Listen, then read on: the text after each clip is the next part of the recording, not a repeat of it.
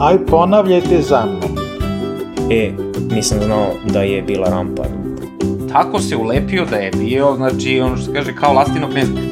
I kaže, tad su svi manje više to smatrali kao tralala trkom. Ma to Netflix režira sve. Zdravo svima, dobrodošli u novi Bici svet podcast, eh, ovaj podcast posle godišnjih odmora. Malo smo odmarali, malo smo trke gledali i ovaj podcast ćemo tako i da koncipiramo. Pričat ćemo malo o trkama koje smo gledali, koje su bile kod nas. Mountain Bike, Evropsko prvenstvo u Novom Sadu. Lazić i moja malenkost eh, Pejković bili smo na licu mesta kao dopisnici Bici sveta, a Predrag je ispratio uh, Vueltu onako pomno i uh, pričao je o tome, ako niste ispratili, uh, ima novi svoj kanal Ciklo Preso, kao kako je on to zamislio, kafić o ekspreso i biciklizam, kratke jutarnje priče uz kaficu, tako da koga zanima malo više Vuelte i detaljnije, obavezno Ciklo Preso i poslušajte, ima na uh, Mixcloudu i na YouTube, ako se ne varam, a mi ćemo sada prvo da otvorimo sa tim letnjim trkama koje su bile u planinskom biciklizmu, a propustili smo uh, olimpijadu, gledali smo, uh, propustili smo da pričamo o olimpijadi uh, u planinskom biciklizmu, a kažem, evropsko je bilo kod nas u Novom Sadu i to ćemo malo obraditi zato što stvarno zaslužuju e, naši momci pažnju koji su to vozili, a i bilo je tu par dobrih imena. Tako da, evo, prepuštam mikrofon e, Laziću da nam otvori taj mountain bike e, letnji trkački deo. Hvala Đole i dobrodošli svi nazad na, na, na talase Biti svet podcasta. O, mi, mi, iako smo mi odmarali, uh, trke su se, se vodile uh, punom parom tokom leta. Uh, kao što smo kao što smo počeli da unosimo malo o mountain bike u, u ovaj podcast tamo na proleće, sad ćemo uh, nastaviti sa četiri trke koje su vredne pomena, a desile su se od našeg poslednjeg uh, Tour de France podcasta. Ta prva trka je, su naravno olimpijske igre koje su bile odmah nedelju dana nakon, nakon Tour de France. 26. jula se uh, vozila muška i ženska trka. U ženskoj kategoriji pobedila je Jolanda Neff i to je bio potpuno švajcarski podijum. podijum. Druga je bila Sina Frey i Linda Indergaard. Ova je bila treća, onako jedna uh, prilično uh, dominacija švajcarske ovaj, i Jolande Nef koja, koja tu uzela zlato bez, uh, bez premca, ono, minut, više od minut ovaj, prednosti na, na drugoplasiranom i negde se očekivalo uh, da će švajcarci da, da izdominiraju i na toj uh, muškoj trci, da će uh, Nina Šurter i, i pored njega Matijas Flukinger, vodeći u svetskom kupu, da se, se upišu u, u medalje, da uzmu medalje, međutim njima je ovaj, račune pomrsio ko drugi nego Thomas Pitcock kog, kog smo gledali i na prethodnom svetskom kupu ovaj, koji je prethodio olimpijadi. I Pitcock uh, tu prilično sigurno jedna iskusna vožnja uh, i tu je on završio ispred Lukingera uh, koji je bio 20 sekundi iza, a Serrano, veliko iznenađenje iz Španije bio je treći, negde malo više od pola minuta. Dakle, ne tako, ne tako ubedljivo, ali jedna onako majestralna, može više od pola trke je bio sam na čelu i treba napomenuti da nije ni startovo iz prvog startnog reda, nego je bio ovaj, iza na, na olimpijadi ima nešto manje takmičara, bilo ih svega, mislim, četiri ili pet redova, ali svakako ovaj, nije, nije E, isto startovati iz prvog reda i dalje iz drugog, trećeg. Tako da se kroz trku on probijao i tu je trebalo jel, više snage da potroši da bi došao na čelo i kad je došao na čelo malo po malo je otišao Flukingeru. Ono što je jeli, e, najinteresantnije bilo za tu trku jeste ona kontroverza oko pada ovaj, Matthew Van Der Poola gde, gde se on žalio da, da, nije, da nije čuo da li je bilo ono, one rampe ili ne. Na kraju se postavilo da, da su svi osim njega nekako znali da, da je tu postojao drop. Ne znam da li sad da, da, da širimo priču o tome. Pa jedino što bi možda trebali da napomenemo da će taj njegov pad e, da se verovatno odrazi na njegove nastupe na drumu, jer e, povredio je leđa ozbiljnije nego što se mislilo u prvom trenutku, na kraju je propustio i sve ove druge mountain bike trke koje su išle vrlo brzo jedne za drugom i evropsko i svetsko i pitanje je kad će se vratiti, stalno se poteže po štampi da kažem štampi u stvari po ovim portalima koji se bave biciklizmom, e, da e, svi savetuju, čak i njegov otac počinje da vrlo intenzivno e, savetuje ga da ne podleže pritisku da se vrati prebrzo na drum, da ne napravi grešku kako je napravio Thibaut Pinot već da uzme sebi koliko god je potrebno vremena da ta leđa zaleči kompletno kako treba. Tako je, mislim, evo, baš prethodnih dana, čini mi se za vikend, je izašla vez da je produžio ugovor sa Alpecin Phoenixom do 2025. Uh, I da će u narednih, mislim, nedelju dana imati nekoliko test treninga ili neku malu trku koja će, na, nakon koja će odlučiti da li će učestvovati na te dve trke koje cilja u ovom delu sezone, a to su, jeli, Paris-Roubaix i svetsko prvenstvo. Uh, svetsko prvenstvo nešto ranije dolazi, tako da je taj, taj nastup malo ovaj, upitniji od Pari, Pari Rubea, a sam Pari Rube je isto upitan da li će uopšte da se održi kao i prethodne dve godine. Uh, što se tiče tog pada i, i te scene, pisali smo jeli, po Twitteru, može se tamo pronaći, ali onako, moj glavni utisak je da da je sve negde, sve pomešano. I, I greška, mala greška organizacije i greška Vanderpula koji nije bio dovoljno koncentrisan opravdano, da kažemo, zato što je to ovaj, velika su bila očekivanja, on je bio glavna zvezda.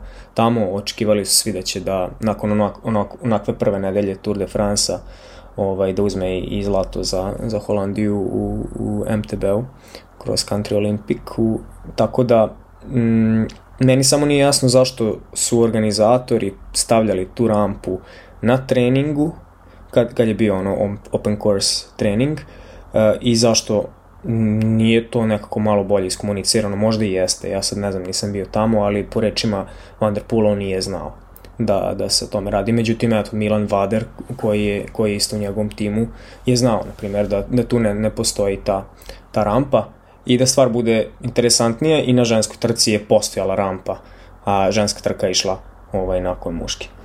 Ono što je meni e, jako e, bolo oči iz e, sve, svih tih dana kako se pisalo o tome, to je da je izašla informacija da je čovjek iz njegove ekipe izjavio da je za, za vreme večere prethodnog dana, pretrake, mu rekao za stolom da je rampa sklonjena. Sad, ne mogu da verujem da je neko toliko opterećen, da je toliko, ne znam, van sveta, da je fokusiran samo na, taj, na tih sat vremena koliko će da da nije čuo jednu takvu informaciju ili da je prečuo ili da je zaboravio. A i sad svi, šta je rekla Kazal, koliko sam ja razumeo, to je ovaj Milan Vejder što priča što je ga je Lazić već pomenuo, da su oni razgovarali da ga je, Milan ga je pitao kako ćeš ti da se spustiš kako ćeš ti da prođeš taj deo, jer to je u stvari bio pred krug, to je onaj manji krug koji se vozi dok se ne uđe na veći krug, znači praktično tu trka još nije bila ni počela. I onda je uh, Matthew Van Der Poel rekao, ja, pa ja ću da se spustim niz tu rampu. I onda je rekao, kako ćeš da se spustiš, pa oni će da je sklone. Znači, to nije bilo ono kao, ej, čoveče, nema rampe, znači, nego kao neka propratna priča i kao, ma šta, znaš, ono, kao je toliko bio fokusiran i u svom filmu, Matthew Van Der Poel, da nije ni registrovao svog timskog kolegu koji mu je onako on, sporedno rekao, ne sad on mu kaže e, da ga uhvati za revera i da ga trese i da ga drma kao alo, ej, nema rampe, znaš, mislim, i, i, samo, ali samo on nije znao da tu nema rampe, to je, mislim, jako čudno. Ali to je meni jako čudno, meni, meni jako čudno to baš kako on nije znao, zato što sam sada video na ovom evropskom prvenstvu kod nas, bila je trka nedelju dana pre, testni event je bio u nedelju je vožena kao C1 trka i bili su momci Samobora hrvatske reprezentacije, znači došli su njihovi treneri pre vozača nedelju dana da odgledaju tu trku i ja sam sa njima zajedno šetao, oni su išli i zapisivali su tačno delove staze, gde je šta, gde je koji jump, gde je, gde je jača krivina, gde mora da se uspori, gde, gde je mesto za napad, gde ima mesta. Znači oni su pripremali trku nedelju dana pre, računali koji će, koje će gume da koriste uh, i to su tačno preneli svim vozačima njihovim da oni budu spremni i kad dođu na prvi trening da znaju šta ih čeka i posle sprem toga pravili taktiku za nedelju. Znači, jedan vrlo ozbiljan pristup jedne mnogo manje reprezentacije za manji uzrast. Znači, niko od, od Hrvata nije bio u eliti, svi su vozili Under 23 u Novom Sadu, a tako su pripremali trku za njih mlađe. Tako da ne mogu da verujem da, da, da na naj, ono, najvećem događaju godine e, neko može da kaže e, nisam znao da je bila rampa. Holandjani i znamo svi kakvi su, evo, priča sa jambovizmom, ne bi me čudilo da, da jednostavno nisu dobro odradili celu pripremu staze i da je to rezultovalo tim pričama. E, kao ima, nema rampa. Da, se, da su došli oni ozbiljno i rekli tu ovu rampu na treningu nemoj da voziš, nego odmah skači kako, kako bi skakao da je nema, jer smo videli na trci da on tačno bode prednjim točkom, zna, očekivao je da je tu, da je ta, da je ta rampa tu. Međutim, eto, još jedna stvar mu je išla e, e, na kontru, tačnije moje tu nesreću, e, kad su izlazili iz onog šumarka pre stene sa koje se skakalo dole praktično, on je, ono što bi se reklo na drumu, malo izgubio točak čoveka ispred. I čovjek koji je ispred njega išao već je skočio sa stene u trenutku kad je Matthew Van Der Poel tek izlazio iz, iz, iz onog drveća i on uopšte nije video na koji način se čovjek ispred njega spustio. Da je video da je da čovjek drži bicikl pod određenim uglom da, za skok direktno dole, verovatno bi refleksno reagovao ili bi možda pažljivije ušao u taj skok, ne bi uzao zdravo za gotovo, sad ću, što ti kažeš, samo da pikiram na dole, pa će tu da me sačeka rampa. E, znači, tu je bilo nekoliko stvari koje su se pogodile, potrefile kako ne treba, e, nažalost, verovatno svih ljubitelja mountain bike on je tu trku završio, što kaže Đorđe, pre nego što je i počela, a opet Pitcock nam je pružio zadovoljstvo gledanja jednog, jednog pravog muškog trkanja gde eto, sam si rekao, više od pola trke je proveo sam na čelu i neugrožen došao. Za mene bio najveće iznenađenje onaj španac koji se pojavio ni otkuda na trećem mestu, samo se nacrta čovjek dođe, ali ovaj, eto, nadam se da će se Matthew Van Der Poel oporaviti, barem za jedan od velikih ovih inventa koji, koji slede. Samo da dopunim priču od malo pre za pripremu staze. Uh, sad mi je, sad, mi, sad se setio da je Simon Andreasen, jedan od favorita koji je bio u Novom Sadu i ovaj, danac, za koga kao Novi Sad navijao jer je ovaj, kačio po društvenim mrežama slike Novog Sada i Fruške gore i tako dalje. Dobro, tome ću malo kasnije, nego on je okačio u Val di Sol, Val di Sole, svetsko prvenstvo, nekoliko dana pre, pre trke, kači sliku sa Kenta Gallagherom, E, koji je poznati dirt, dirt vozač, odnosno free, free vozač, enduro, šta god, e, koji ga sprovodi po stazi i objašnjava mu koje su najbrže linije ovaj, na spustu kuda je najbolje ovaj, proći i kuda je najbrže i oni su zajedno uvežbavali stazu na, na otvorenom treningu.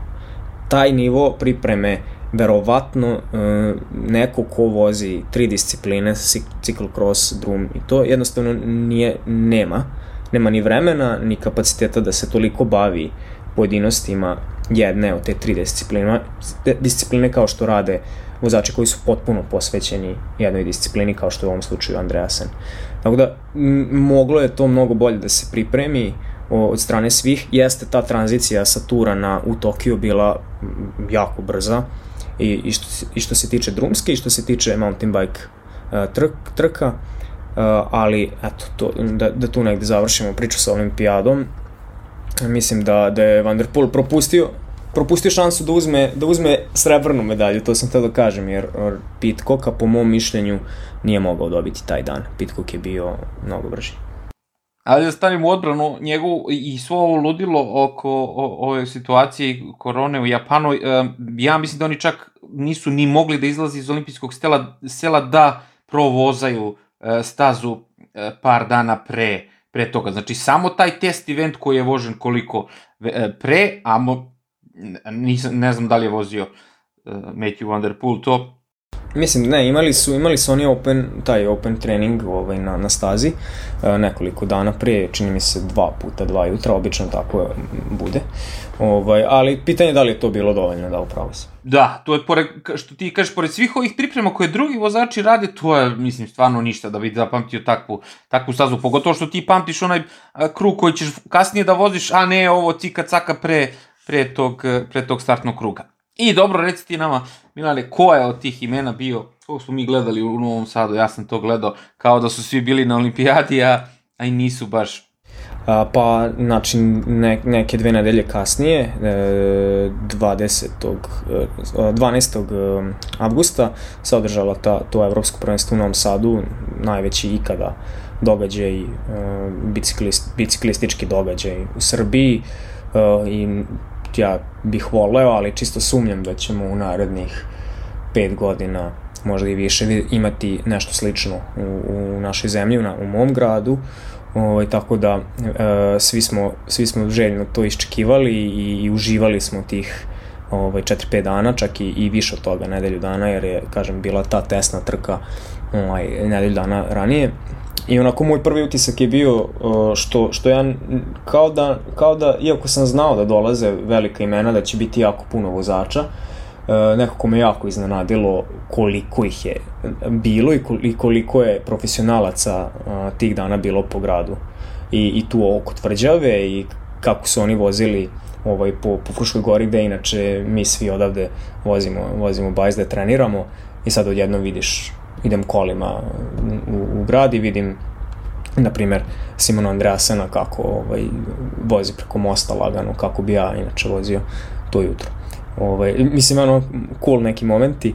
Ovaj, Boris, ono, mi ga često pomenjamo u podcastu, ovaj, je bio mehaničar dancima, eto, oni su ga unajmili jer su došli bez, bez mehaničara ovde, iz, ja mislim, razloga zbog korone, ovaj, tako da je on, on njima sređivao bicikle, oceli su u Rakovcu i tako neke pojedinosti koje, koje su jako zanimljive za, za ovaj sport, eh, jer tolik, tolik, toliko ovaj, biciklista je trebalo ugostiti u ovom gradu i tako neki poznati, poznati odmarališta, hoteli su im bile, su im bile ovaj, bila kuća tih par dana.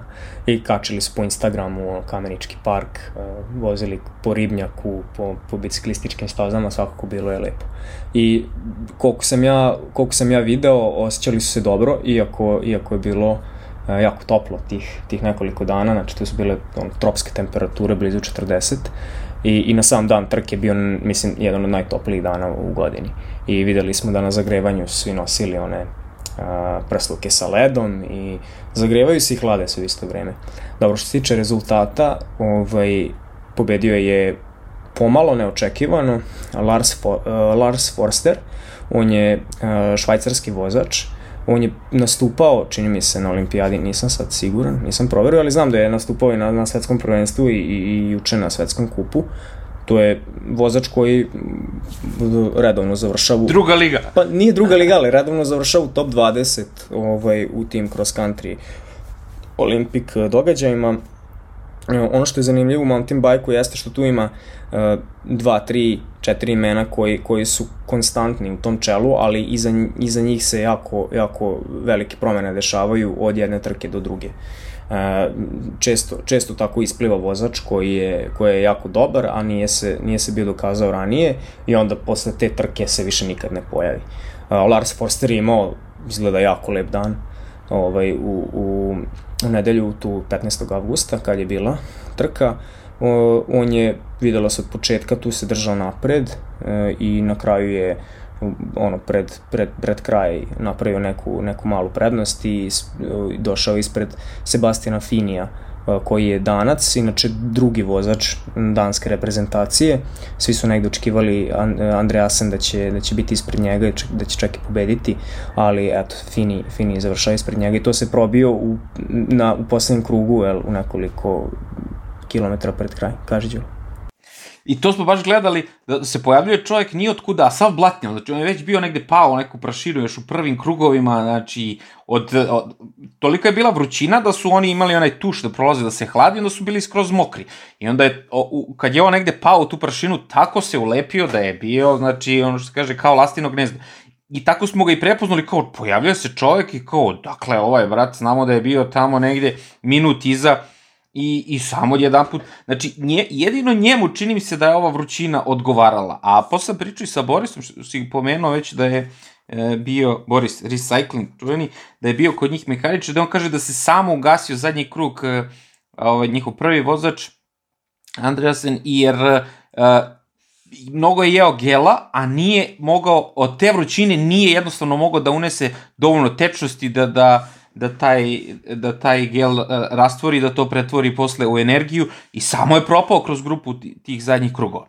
E, ono što ja moram da napomenem, da nam je Lazić našao super mesto na startu, stajali smo gore, gledali smo kako prolaze kroz tunel i onaj drop i onda posle je bio onaj, uh, posle ono, ono prvo penjenje i tu je bio onaj kamerman super dečko što, što je trčao pored njih, što je pravio super kadrove i onda smo tu navijali za Romana i za naš i za Lemija i to je bilo sjajno. E, da, prvi put smo videli naše momke koji jednostavno nemaju priliku da se trkaju sa tim momcima. Jednostavno ne, ne idemo mi na te trke i bodrili smo ih, posle sam ja gledao i Roman je danas baš izbacio reportažu svoje viđenje stvari sa, sa, sa te trke I, I on je rekao da ga je možda ta atmosfera ponela prvi krug da, da pređe malo više u tu crvenu zonu i da je posle, uh, posle na kraju propao kroz grupu i uh, da su neki takmičari s kojima se on trkao ovde pobeđivo završili ispred njega i ušli u jedan krug više. Jer realno ovi momci su vozili osam krugova i uh, bilo je samo pitanje trenutka kada će stići uh, celu tu ekipu sa Balkana, jednostavno ko je tu najbolji bio, možda onaj Rumun što je bio i, i, i u top 10 na, na olimpijadi, da kažeš, sa ovih prostora, da može da se trka sa, sa ovim zverima. Tako da je meni to bio utisak što smo mi, ono, baš sam se iznenadio koliko je ljudi tu došlo, pratilo sve to i na moje veliko iznenađenje, okačio sam to i na a, Instagram, a, to da je trka bila prenošena uživo na Eurosportu. Ja se ne sećam ono što kaže, u moje vreme to nije bilo, sad ja kao neki matorac zvučim, da nisu bile prenošene trke na Eurosportu uh, u planinskom biciklizmu, bili su snimci, sve to uveče, to se vodilo kao neki tamo ono, na, na Eurosportu 2 išlo, ovo je išlo, brate, ceo svet je gledao Novi Sad, super su momci ovi ljudi iz Češke koji su to snimali, super su snimili, kadrovi fantastični, dron, ovaj trči, ovaj ima tamo neku onaj uh, kvad voze pored vozača, znači to mi je najveći utisak uh, sa trke. Lepo si rekao da, da, da je svaki kadar koji smo, koji smo tamo gledali mi na, na tom video bimu na, na startu, a što je išlo u paralelno i uživo na Eurosportu i bilo je na, na playeru, da, da je svaki kadar kao da je onako epski. To je toliko kadrova a, moglo se napravi na tvrđavi da je, da je, da je sjajno izgledalo, sjajna razglednica za Novi Sad i siguran sam da će to da utiče i na ljude da, da posete. I ono što je meni što je meni bilo jako drago to je što je engleski odnosno inter, taj internacionalni prenos uh, pre, uh, prenosio Matt Stevens uh, i da je to majstralno uradio na, on je manje više u svakom krugu pohvalio Novi Sad stalno govorio prelepi Novi Sad kad, kad kaže Novi Sad i ta kao srednjevekovna tvrđava iz uh, ovaj, Petrovaradinska tvrđava. Uh, nije rekao srednjovekovna, to se sad ja dodam. Ali, da, pazi, znaš šta, mnogo ljudi će da dođe baš zbog toga. Znači, ja znam kad ja gledam tako nešto, kao kad je nešto super snimljeno, da su neke autotrke ili nešto kao, vi što je ovde lepo, ću da idem tamo, znaš. I sad, a, mnogo ljudi širom sveta to posmatra kao, vidi ovaj grad što je ovo super, znaš, na Dunavu neki grad, ono, znamo Beograd, Dunav i to, ali kao, Molo, Novi Sad uvek nekako u senci koja hoću da idem tamo, znaš. Sigurno će mnogo ljudi u, u narednim mesecima iz tog nekog uh, biciklizma doći u Novi Sad i što si rekao, svi ovi uh, biciklisti su ambasadori tog sporta, kad su oni prošli te naše staze i oni se oduševili i okačili uh, na svoje društvene mreže uh, super kadrove kako se proveli, mislim, Novi Sad koji ono, živi sad je već dovoljno veliki porastao da, da živi 24 časa i, i, oni, i oni su i taj deo, rekao bih, preneli. Tako je. Uh, Filip Kolombo je bio na trećem mestu, a Andreasen je peti završio. Ovaj, kao što si rekao, imao je problem sa, sa stomakom ovaj, i gelovima, a u ženskoj, ženskoj konkurenciji velika Pauline Ferrand Prebo odnosi prvo mesto i to onako prilično uh, prilično mislim bez, bez premca, Dru, druge, druge dve takmičarke iz Holandije, uh, Ane Terpstra i Ane Tauber. Ane Terpstra se super pokazala juče, ovaj, de, de, na svetskom kupu, o tome ma, za koji minut, a ono što, što, što, što moram pomenuti, što me onako potpuno izbacili iz takta je kad je uh, uh, Ferran Prevo slavila uh, veče, to isto veče nakon trke, uh, na Instagramu okačila story iz Beograda, ona iz Kadarlije, i ona onako igra, a iza nje pevaljka peva, čik, čik, čik pogodi i ova igra tamo. tu, sam, tu sam, znači, shvatio da je ovo nadrealno sve što se desilo. da, ovo stvarno... da bolje, da, bolje što ne dolaze češće, a? Eto, posle toga ništa nije uradila, znači, došla u Srbiju. Posle toga ništa. Posle toga otišla na more u Hrvatsku, mislim, a čujete koliko, znamo, sve, pratimo svaki korak. I reci nam sad, Valdi Sole, ne, jel koliko, nedelju ili dve posle toga e, svetsko prvenstvo? Znači, ono je bila ozbiljna staza. U mountain bike, e, to, sam i, to smo ja i ti pričali, da ovo evropska prvenstva su više urbane staze. E, I da je to praktično ta neka praksa te Evropske biciklističke federacije, dok je svetsko prvenstvo Val di Sole bilo ozbiljna brdusija, ozbiljna staza, znači koliko ljudi, ono čim se duplo više ljudi startovalo tamo nego na, na olimpijadi. Zanimljivo je da, da je ova staza u Novom Sadu bila, tako što rekao si, urbana staza i da, da teško da bi prošla kao od strane UCI, UCI-a, ali e, ta Evropska federacija je dozvolila stazu baš zbog, zbog toga što je tendencija poslednjih godina da bude urbana staza. Prošle godine je bila u Bernu, ove godine u Novom Sadu, e, tako stepenice, mnogo asfalta, E, čak mislim da ni zvanično nema dovoljno neasfaltnog dela, znači nema dovoljno off-road sekcija da bi, da bi uopšte bila potvrđena od strane UCI-a za, za te za, za ozbiljnije za svetski kup i tako dalje. Tako da ovaj to je nešto drugo, evropsko prvenstvo je nešto drugo, dosta je brza staza. E, rekli, ja bih rekao ciklokros staza sa nekim elementima mountain bike čisto da se tako zove. Znači te stepenice nije moguće voziti na, na ciklokros biciklu a, i sve ostalo je manje više ciklokros staza. I u Belgiji mislim da ima i uzbiljnijih ciklokros staza od, od ove koja je sad voža na Novom Sadu. I kao što si rekao, jel, Val di Sole, ovaj, dolina sunca i svetsko prvenstvo 28. avgusta, dakle ono dve nedelje tačno nakon, nakon ovog evropskog. E, tu su sad već došli ozbiljni momci. Na moje iznenađenje i ono žal nije bio a, Thomas Pitcock, tako da je scena bila onako više mountain bikerska, nismo imali te kao primese ovaj, drumaša, ni, ni njega ni Van der Poel. Nismo imali ove ludake sa druma.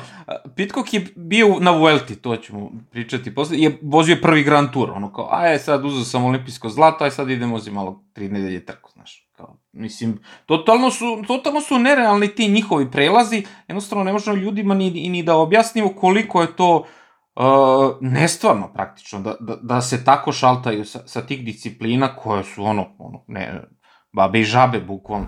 Tako je. Uh, svetsko prvenstvo a ko drugi nego Nino Šurter, ono, po, ponovo se vraća u, u majicu a, duginih boja, je godinu dana, nakon pobede pre dve godine u Lenzer, Lenzerheideu, ovaj sad uzima i u Val di Soleu a, titulu, a, to mu je osma titula, čini mi se, ovaj, svetskog šampiona, Nino, a, jedan od najvećih ikada uz, uz Juliana Psalona i a, sada čini mi se da se trka da izjednači njegov rekord u broju osvojenih svetskih kupova.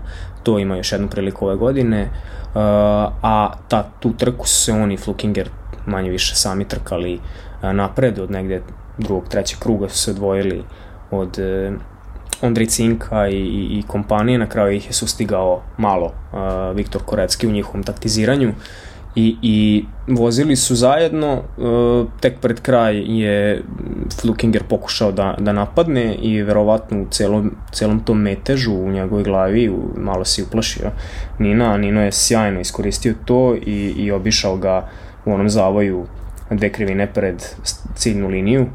Kako ga je onda isfintirao, meni ono nije bilo realno. Znači, da čovek nije gradio onu poziciju i da se ovaj provukao onda, mislim, ko nije gledao, nek vrati, ono, znači, ono stvarno nije realno, znači, i posle se ovaj nešto vata za glavu, plače, kuka, ali kako je sprintao Nino Šurter, ne bi ga, ne znam, ne znam, ne bi ga Flukir ni osprintao i, i da je došao ispred njega na onu ciljnu ravninu. Meni to nije jasno. Nino je jedan jedan ozbiljan vozač i tu, tu krivinu je, ovaj, taj zavoj kao mačka izvezao. Uh, Flukinger, ja znam šta je on hteo, on je hteo da napravi što veći luk, da, da prenese što više brzine u taj zavoj, ali jako je naivno to uradio zato što ovaj je samo vrebao.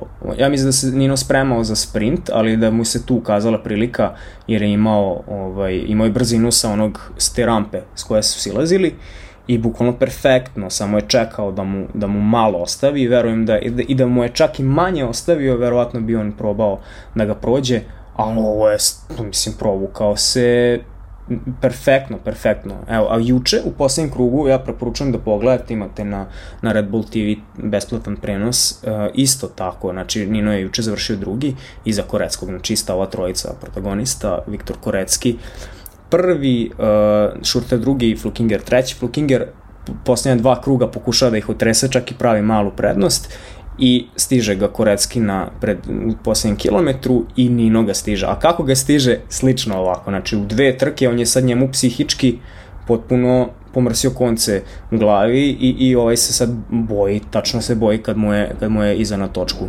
A, Nino je jako iskusan vozač na tačno gde treba da stisne, gde treba da pusti kako bi u pravom momentu zadao taj um, udarac koji, od kojeg ovaj ne može da se odbrani. I, i to se i desilo na, na svetskom prvenstvu, velika žal za, za Flukingera, ovaj, ali, ali klasa je klasa, šta reći drugo. E, hvala Laziću, možeš se odjaviš, sad idemo na Vueltu. Ovaj, samo da pomenemo da, da, da, su, da su negde u ženskoj kategoriji svi očekivali taj neki ovaj, susret uh, Polin i, i Jolande Neff, na kraju se to ništa nije desilo. Uh, na kraju svetski šampion postaje uh, Ivy Richards iz, iz Velike Britanije, eto Pitcock nije, ali eto Britanija će imati svetsku šampionku i ona je u sjajnoj formi uzela juče svetski kup u, u ženskoj kategoriji, a en, Ane Terstra je druga kao, kao što je bila i na evropskom prvenstvu. Tako da suma ženskog trkanja, znači uh, Pauline Ferran Prevo se uplašila na olimpijadi na, onoj, na onom uh, klizavom brdu od Jolande i onda je došla da proslavi malo uz Kadarli u evropsku titulu uz čik pogodi, a ova Britanka uzela majicu duginih boja jer su ove dve bile zadovoljne provodom u Japanu i u Skadarli. Eto, ja sam kažem da sam, da sam ponosan što, evo, pola sata smo odvojili za mountain bike, vidim da, da Predrag polako počinje da... zeva! da će da ujede. Predrag zeva ovde. Uh, da, a velika pobeda planinskog biciklizma.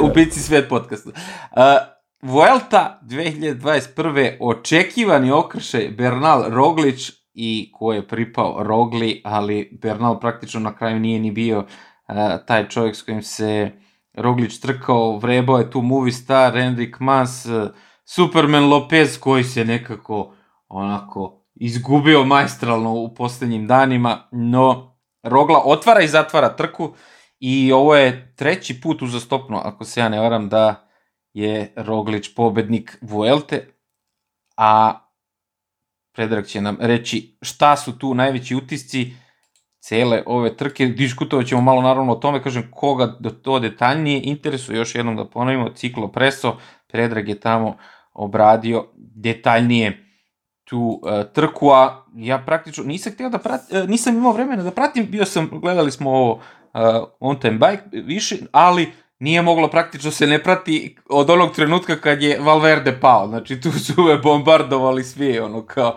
čak je, čak je i tata moj došao koji si gledao, si video Valverde kako pade čovjek. Znači, utisak e, cele Vuelte Valverde.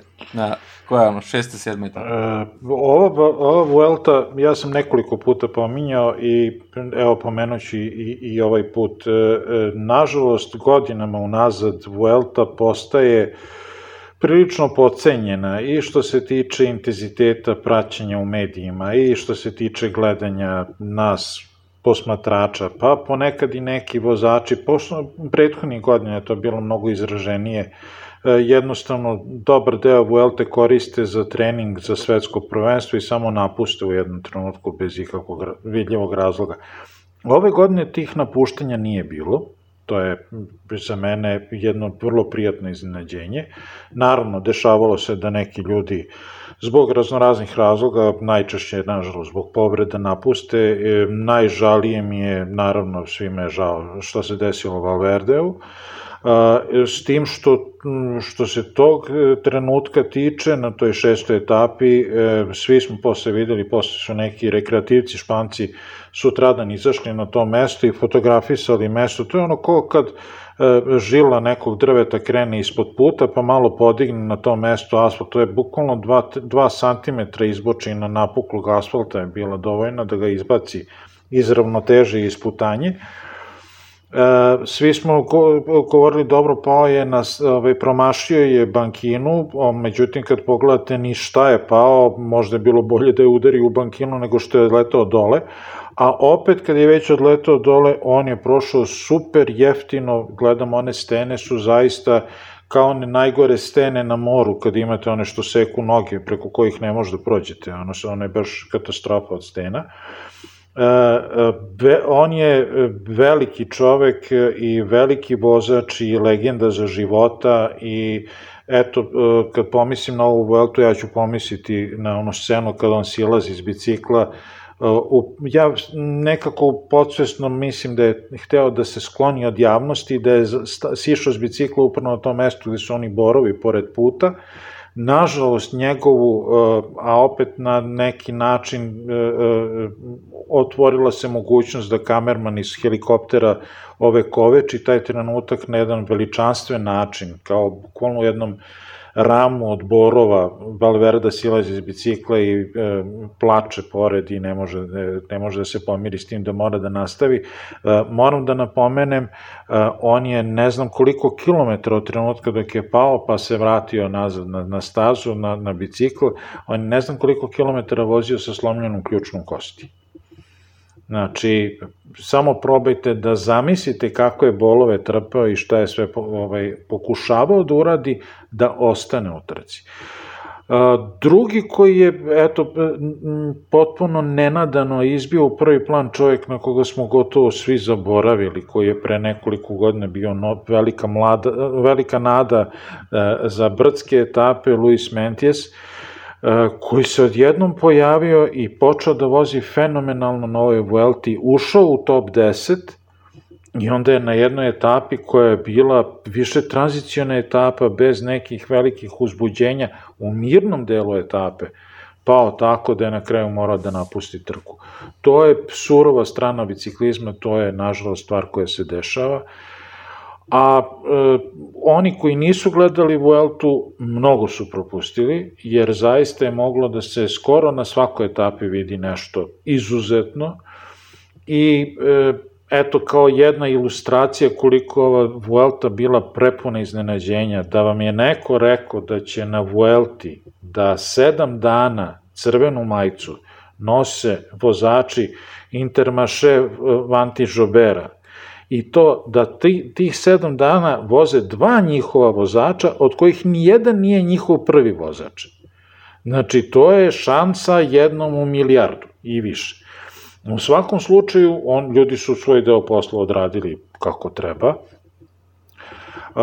pojavili su se ponovo neki likovi koje dugo, dugo, dugo nismo videli. Eto, sad ću da pomenem, Rafal Majka je uzao etapu, da se zna. To se baš teo te pitam. Ove, Čuvao sam u kecu u rukavu. Da, da, da. Rafal Majka je uzao me, da, namiris, namirisao je krv i Rafal Majka je jedini pravi Rafal Majka kad uh, jedan na jedan ili jedan na dva, znači u tim nekim dalekim begovima po brdima oseti da je jači od svoje konkurencije, onda on vozi 200% svojih mogućnosti i 99% njegovih pobjeda ostvareno tako. E, ali gledaj, vozio je protiv uh, Jumbo cirkusa taj dan, to mu je išlo na ruku. Mm, nije baš, nije baš toliko, ovaj, on je, prvo, on je, moramo da pomenemo čoveka koji je od juče praktično u penziji, Fabio Arua. Fabio Aru je sa njim krenuo taj beg e, i pratio ga dosta dugo i dosta dobro. Aru je odlučio da više neće da se mrcvari i sve svoje navijače, ta davna Vuelta koju je on osvojio, nakon nje više ništa nije uradio ovaj, značajno od rezultata i odlučio da se povuče, mada nije u godinama kad se povlače biciklisti. Čekajte, prekinem samo, e, znači, samo da dodam da Fabio Aru sad se povlači, a da i on izjavio tokom trke da su mu ovo bile najbolje brojke ikada, znači u najboljoj formi ikada je bio na ovoj Vuelti I sad vi vidite uh, da on praktično trkao se, ali ni, bio je blizu, ali nigde nije bilo ono kao, e, sad će baš sad će pobedi Aru, ko ono što je Contador pobedio Angliru i na Vuelti povuko se. Mi smo svi navijali da i Fabio Aru osvoji nešto i da tako ode u penziju, ali bez obzira što je bio u formi života, to nije bilo dovoljno za neki triumf. Nije, nije bilo dovoljno, eto, čak smo se ovaj, komentarisali, gledali smo uh, a, videli smo neke snimke, beše prošle zime, Fabio Aru na ciklokrosu. Znači, on je na sve moguće načine pokušavao da resetuje svoju karijeru, da, da se trgne, da nekako izađe iz tog nekog proseka u koji je upao, ali nije išlo pa nije išlo. Uh, znači, Rafael Majka je osvojio etapu na Grand Touru koju odavno nije osvojio. Meni izuzetno ekstra drago, Roman Bardet je osvojio etapu i Roman Bardet se trudio iz petnih žila za tu tačkastu majicu. Na kraju mu je tačkastu majicu preuzeo kolega iz tima. Nisam stigao da baš ispratim sve to, e, navodno ide priča da je to sve bio plan tima, da u stvari Storer na kraju uzme ta, ovaj, tačkastu majicu i da je sve to rađeno za njega. Koliko je zaista tako bilo, ja baš nešto ne verujem previše, ali dobro. U svakom slučaju za Bardem je izuzetno drago da je osvojio etapu i prvi put Bardet osvaja nešto van Francuske. Znači, zamislite, znači, ono prvi put osvaja trku da nije u Francuskoj, ej. Mm, pazi, mi ga, svi ga volimo na kraju krajeva, mi godinama već pričamo, on jeste bio čovek, malo telo, veliko srce i, i vozio za taj mali tim, ali taj mali tim koji očigledno, eto, taj šampuiza na kraju, na, u 20. etapi je pokazao da od njih nikad nisi siguran šta može da izleti i kako može da izleti. U svakom slučaju, e, na, jedni od najvećih gubitnika na ovom turu su sigurno Ineos, koji su došli sa tri ekstra jaka vozača, gde se čak nije znalo ko će da bude prvi vozač ekipe, e, gde se uglavnom tipovalo na ovaj, Bernala, koji nešto nije kako treba, sa njim dosta dugo se držao visoko u generalnom plasmanu i onda je samo počeo da pušta. U stvari, on je sve, sve karte ispalio na koje beše 16. 17. etapi kada je otišao u napad, daleki napad zajedno sa Rogličem jer znao da se, da se smanjuje broj etapa, da više nema vremena, nema kilometara, mora je da uradi nešto, da proba nešto, u jednom trenutku su čak imali dva i po minuta ispred ostatka grupe i meni je žao što bar to nije uspio da materializuje, pa da završi, ajde, u, u, u top 3, mm, tu je dao sve što je imao, nije uspeo, na kraju se povukao, na kraju je ostao i bez bele majice. U celoj toj e, peri, u svim tim peripetijama kroz koje je Ineos prolazio, uh, odjednom u, u isto, ja mislim istog dana da su i Karapaz i Narvaez napustili uh, Vueltu, uh, Karapaz sa izjavom da on je inače aktuelni šampion na drumu na olimpijskim igrama, uh, da je posle olimpijskih igara bio potpuno prazan i da više nije imao ništa u nogama. Ne znam šta je, koje objašnjenje Narvarez imao, A, ono što moram da pomenem, ja nisam od ljudi koji jure teorije zavere, ali neke stvari bodu oči, pa bodu oči, obojica su iz iste zemlje i obojica isti dan napuštaju Vueltu. mislim, baš mi to nešto ne ide kako treba. A, tu je kolateralna šteta ispod Adam Yates, koji je, možda da su karte bile bačene na njega i da je možda drugačije njegova snaga korišćena, možda bi i došao do podijuma. Međutim, je morao da sačeka i da se Karapaz ispuca i da se Bernal povuče, da tek onda on na, na kraju dobija tu neku priliku da krene. E, pokušao je sve što je bilo u njegovoj moći, na kraju kraja pokušao je i uče na, na hronometru da dostigne do taj minut razlike do trećeg mesta, do podijuma, nije uspeo. E, ono, slažem se u potpunosti sa jednom davnom Đorđevom konstatacijom da je Simon naštimovan na tri nedelje trka, a da je Adam naštimovan na klasike.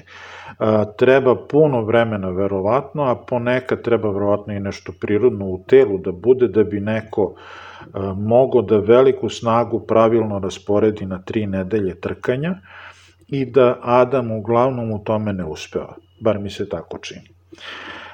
I poslednji koji, naravno, o jumbovizmi i rogliču i svemu ćemo pisati hvalospeve i, i pričati o tome još dugo, dugo, ba da nešto ću da ih i zakačim povremeno, ali ovaj Movistar, e, Movistar je poslao, e, dva, to sad je nažalost preti da tema e, e, pomrači mnoge svetle trenutke koje je Vuelta donela, ali e, ono što se desilo na 20. etapi, to napuštanje Lopeza, je otvorilo ne jedno nego deset pandorinih kutija. E, znači, svi sa kojima sam pričao još prošle jeseni i kad je, kad je objavljeno da je Lopez potpisao za Movi Star, znaju da sam ja bio u šoku da se to desilo, jer je bilo jako puno loše krvi između Lopeza i Movistara, znači sa obe strane su išle, ali to više nisu bilo otrovane strelice, nego ono baš vulgarnosti prav, u pravom smislu reči i to je meni bilo potpuno neshvatljivo da su uopšte da su uopšte seli za sto i našli neki zajednički interes. E, sve ono što sam, e, danas sam i pomenuo, s Veljkom sam se kuckao pa sam mu pomenuo, rekao ja tri nedelje nisam video da su Mas i Lopez vozili u istom timu. Ma to Netflix režira sve. Ma da. A, u svakom slučaju, ono što smo svim imali prilike da vidimo, ono što je Movistar pokušavao godinama sa Valverde, Landa, Quintana, da ima dva, tri vozača u visoko u generalnom plasmanu. Sad im se otvorilo sve, oni su ušli u poslednju nedelju, imali su dva svoja vozača na drugom i trećem mestu. Mi ni jednog trenutka nismo videli, to je po nekoj teoriji biciklističke taktike, treći vozač, znači on je slabiji od ove dvojice, bi trebao da se žrtvuje i da napada prvog, da stalno ide u juriše, da mora prvi da ga spaja, da se troši, troši, troši, ovaj drugi ima džabe vožnju i na kraju na toj nekoj razlici u snazi da, da, da prosperira. To se nije desilo. Oba puta kad su napadali, Mas je napao jedan put, Lopez je napao drugi put, Lopez je napao isto, Lopez prilično slično razmišlja kao Mike kad krene, apsolutno ga ne zanima više za koji tim vozi, on vozi za sebe i Lopez je uzao tu jednu etapu, kao i prošle godine. I spasao Movie Star, znači moramo da kažemo da je spasao Movie Star, I, da, da, da, da, jer je da, da, ovo, da. je, Vuelta, ja mislim, prva posle 1996. nisam siguran, da nema španskog pobednika, ni na jednoj etapi. Znači, jedino Lopez doneo španskom timu triumf. Prije toga produžavaju ugovor, ko, znači na dve godine ili još dalje, i onda izbija ono, skandal, kuršluc, ono, on čovjek diže ruke, odustaje, ovi, znači, haos, šta je ono bilo, jesi ti to ispratio? A, to je, to je, e, pa znaš šta, ja sam probao da ispratim, ali sam probao da ispratim na drugačiji način, znači, ja sam ove, zanemario šta pišu veliki, jer veliki ponekad moraju da budu ono što se kaže politički korektni. Znači, ne sme baš da napiše niko iz, iz ovih, s ovih velikih portala baš sve što mu padne na pamet, nego pozivajući se na izvore te i te, a ti izvori opet svi u rukavicama pričaju. U svakom slučaju ja sam otišao na neke diskusijone grupe i na neka mesta gde se skupljaju španski navijači. I onda ne govorim španski, nego ono Google Translator, pa bar ono da otprilike na, pohvatam ovaj smisao komentara. I, ajde sad ovako redom. Prva stvar je, e, prva priča koja se pojavila, koju lično nisam siguran da, da, da ja ne nalazim logiku u tome, pa samim tim, znači samo pošto kupio, toliko prodao, samo prenosim šta sam pročitao, je bilo kada je krenulo cepanje grupe u 20. etapi, kad su ovaj, napred otišli eh, prvih 5-6 vozača, da je Lopez dobio komandu od svojih iz kola da ne preseli do njih, nego da ostane u drugoj grupi. Što meni potpuno neshvatljivo, zašto bi, to je 20 etapa, nema šta više da izgubiš, nema šta više da taktiziraš. Zašto bi svog čoveka koji je u tom trenutku treći u trci držao poza, skroz pozadi? E, to sam video i ja i mislim da koliko su i oni bangavi, koliko Movie Star isto nekad nema, nema logike to što rade, da su se možda oni plašili Bernala, jer Bernal je ostao u toj grupi kao ako Lopez vuče, vući će i Bernala, a ovako ovo ode i Mas i sigurno im je ta pozicija na podiju. E, vidi, na kontu toga, znači, šta možda podržava taj, ovaj, tu teoriju, je ne jedan, nego sad govorimo verovatno više od 20 komentara koji su govorili isto, da uh, Unzue i kompletan Movi Star vrlo često prave taktičke greške i navode kao primjer da su takvim greškama upropastili uh, Quintana. Znači, bukvalno kad je Quintana, na, znači to sad čitam između redova jezik koji ne poznajem, znači dozvolite da i grešim u tome, ali da je uh, u nekim situacijama gde je bilo bolje, gde je Quintana sam hteo da napadne i da ode napred, da mu je govorio ne, ne stani pozadi. I tako da je on proveo praktično karijeru u Movi staru, staru frustriran gledajući non stop u, u Frumova leđa. Znači, to je jedna od varijanti. Druga varijanta je da je e, Lopez opet možemo da, da sve podsjetim, beše na onom Tour de France-u, kad je krenuo da bije onog iz publike. Je li tako bilo? Na Tour de France-u na jednoj od etapa, one iz publike što izleteo sa ne znam čime, pa je li na džir? E, dobro, u svakom slučaju, Lopez ima malo kratak fitilj. I e, mentalno baš nije uvek najstabilniji to što mi je, recimo i Veljko mi je danas slično stvar rekao, on je sebe video na podijumu, 20 etapa, vide sebe na podijumu i onda vidi sebe, ne znam koliko kilometara pred cilja, da mu odlaze ljudi, da mu preuzimaju podijum, a on nema noge da ih isprati. I onda reaguje tako da silazi iz bicikla. Zvanično je ono što smo svi mogli da vidimo, ja sam pratio i ovaj, preko onog race centra, ovaj, bila je informacija da je Pačo Vilja stao pored i da ga je molio da se vrati na bicikl i da, da nastavi da vozi. On je odbio i na kraju smo, smo videli jedan e, poludivlji snimak snimljen mobilnim telefonom kako opušteno pričate preko mobilnim telefonom sa nekim i ulazi u Movistar kola. Sa suprugom je pričao. Sa suprugom, a njegov trener je, trener mu je otac njegove supruge. Sad sam... Kako god bilo, jedina stvar oko koje se svi slažu, čak i on sam izjavio, da to nije smeo da uradi. Da je morao da završi trku. I izvinio se, izvinjava se i navijačima i timu i bla bla bla. Ko je istina oko svega toga ne znam, ali ja bih volao da, da to ne, da ta priča se stavi tačka na to. E, neka oni to u svoja četiri zida reše, neka ga opale po ugovoru, neka mu otkinu od plate, neka rade šta već rade, jer e, e, kreote bi bilo ne pomenuti Enrika Masa, koji je čovek vozio fantastično u granicama svojih mogućnosti. Znači, ja lično ne vidim Masa kao svejača Grand Tour trke, možda pojedine etape da, ali on je daleko, daleko od onoga što je Contador najavljivao pre par godina. I Enrik Mas je vozio koliko je mogo i kako je mogo. Koji je odnos njega i Rogliča što se tiče snagi i veličine, to smo mogli da vidimo juče na hronometru. Znači, ono što je Pa, ono se dešava i ono niže razrednim vozačima, da ti odeš dva minuta pre nekog i te taj neko stigne do cilja i da te pretekne. Mislim, to baš... Ali to je fakat prava slika uh, odnosa uh, uh, Rogliča u odnosu na svu konkurenciju.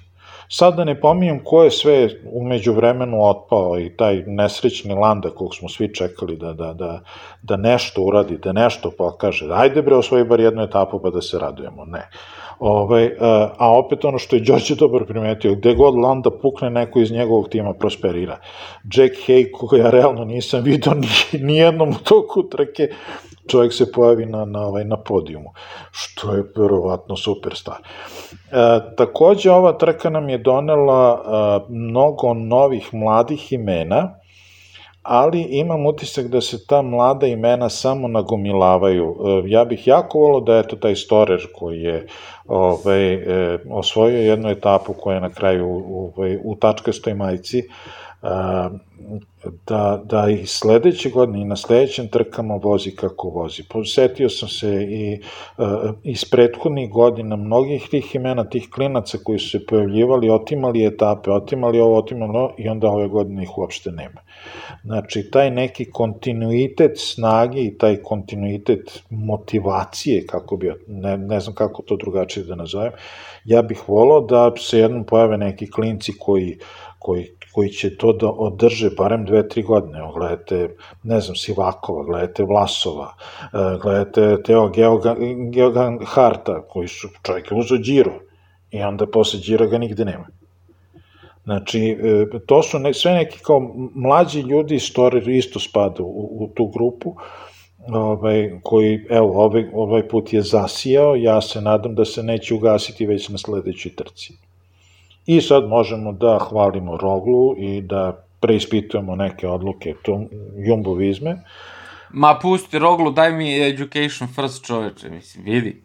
Education first, znači Magnus Kort Nielsen, e, znači to, e, to su, to je fe, apsolutni Feniks od, od, od, od tima, ja zaista, ja ne mogu da ih gledam drugačije nego iz onog vremena kada su menjali imena po pola godine i kada im je, kad im je na kraju bilo ime, veliko nije moglo da stane sitnim slojima od kraja do kraja ekrana, ono, Cannondale, Drapak, Powered ne znam by kako se, šta, Maxis, šta, šta je sve bilo, da. Maxis gume i pasulj. Šta je sve bilo unutra i kad su rekli, mi nemamo šta da jedemo i nemamo para za vazdušni tunel i nemamo ništa, ali eto, bijemo se i dalje.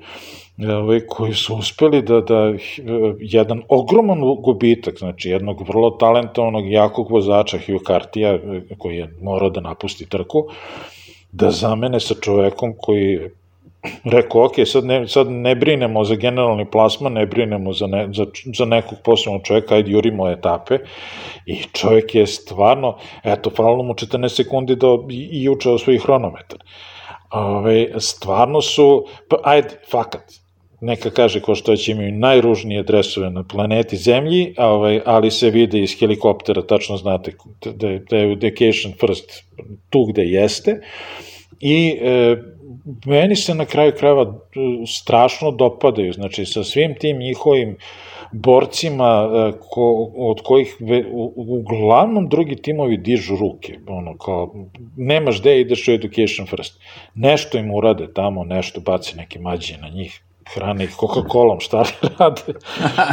I ljudi polude, stvarno voze fan, fantastično, baš mi se dopada kao, kao, kao, kao pojava. Sad ćemo još više da ih volimo, ide Esteban Chavez kod njih, čoveče, smeško, smeško, znači donosi novi duh tamo, tek će da budu, tek će da budu top.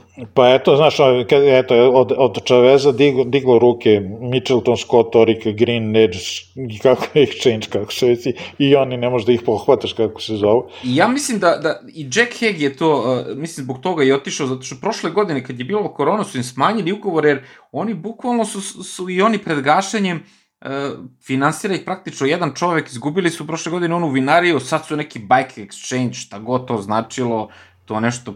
Pa bili su već jedan put, ali to im je ono kao pomoćna noga, otprilike. Uh, imaju tu, tu, tu neku malu firmu, Bike Exchange, koja im uleće, mislim, već jednom su bili, ja mislim, godinu ili dve dana sa tim dodatkom u imenu. Uh, A ne samo on, mnogima se trese ovaj, drma ovaj, egzistencija Quebeca isto je maltene pred gašenjem, nemaju para da isplate plate ljudima. Plaćaju vozaču bitcoinima. Da, da, da. Ovaj, eto, pričali smo pre početka podcasta, Delko se gasi od nove godine. Ovaj, znači ima... Kriza, definitivno da, kriza. Da, da, da, da. I pričali smo i ne rekao smo da je svetsko prvenstvo 26. Znači na kraju, na kraju uh, septembra i uh, 15. Je, pome... 15. je evropsko. Evropsko, prvo ide, da, evropsko, pa onda e, svetsko prvenstvo na kraju septembra i ovo što si pomenuo na početku kad smo pričali o Vuelti da nije bilo toliko odustanja, baš mislim zbog toga što ima dovoljno vremena do tog svetskog prvenstva, pa svima treba forma, svima treba da dobrih kilometara kojih je tu bilo na na ovoj Vuelti, a ja sam već prognozirao Magnusa Korta da bude svetski prvak, ono, a sve, na Twitteru sveta mi je napisao da će mu padne forma, a rekao, dobro, ajde, onda nek bude evropski, znaš, ono kao, licitiramo.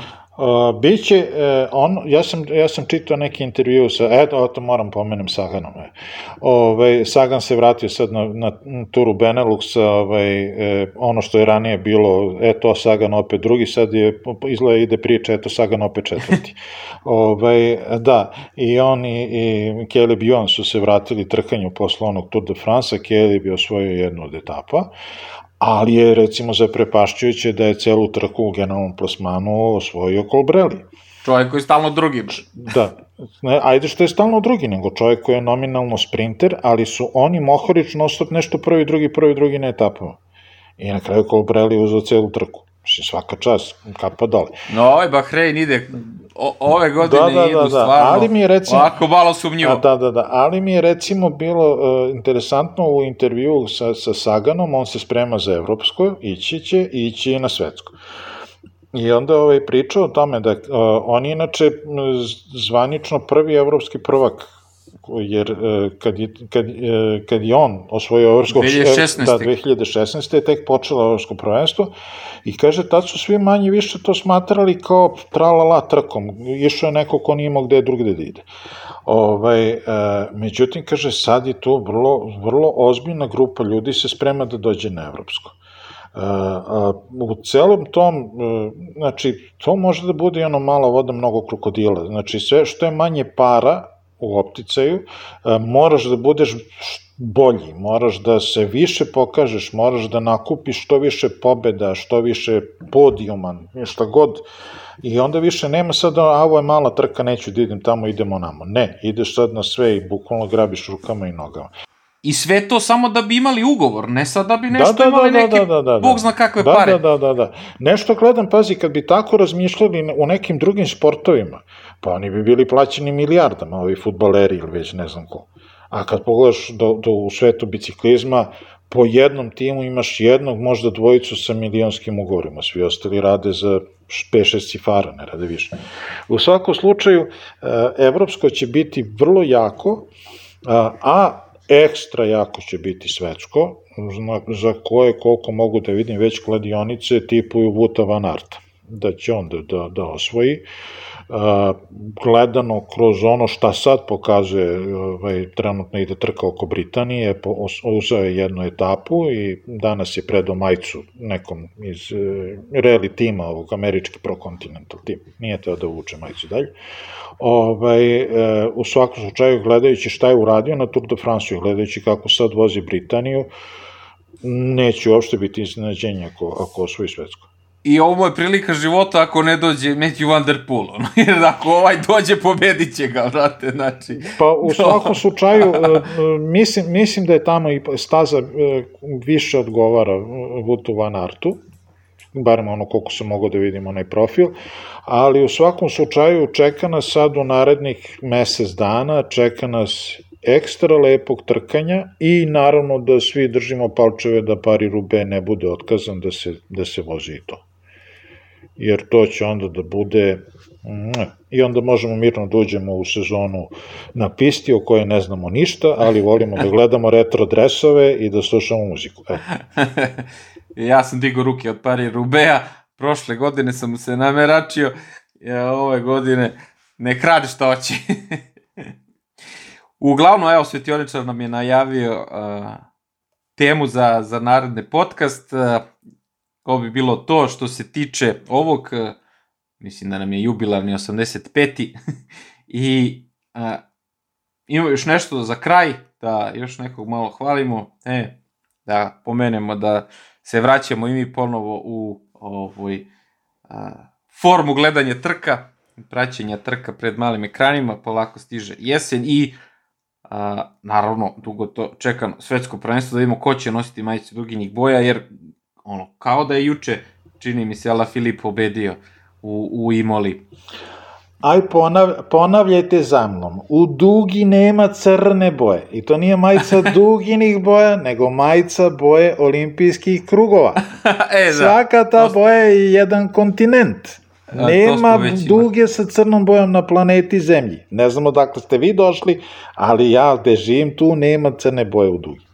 Upravo si, upravo si, ali gde god se otvori neki internet sajt piše Rainbow Jersey. Da, e, to je, mislim. To je tek, da, Ništa. upravo si. Ja bi jako, ja bi jako volao da vidim jedan put dugu crne boje, da vidim kako će to bežanija da nastane, nastane kad se tako nešto pojavi na nebu. Sad ide onaj komentar, e, crno nije boja, crno je odsustvo boje, šanje. da, su odsustvo. Odsustvo svetlosti. to je to. Ne, ne, ima, ima i ona, neka, u nekoj teorija slikarstva. Bela je prisustvo svih boja, crno odsustvo svih boja. Odsustvo, ja znam za odsustvo, odsustvo svetlosti. Što mu dođe na isto.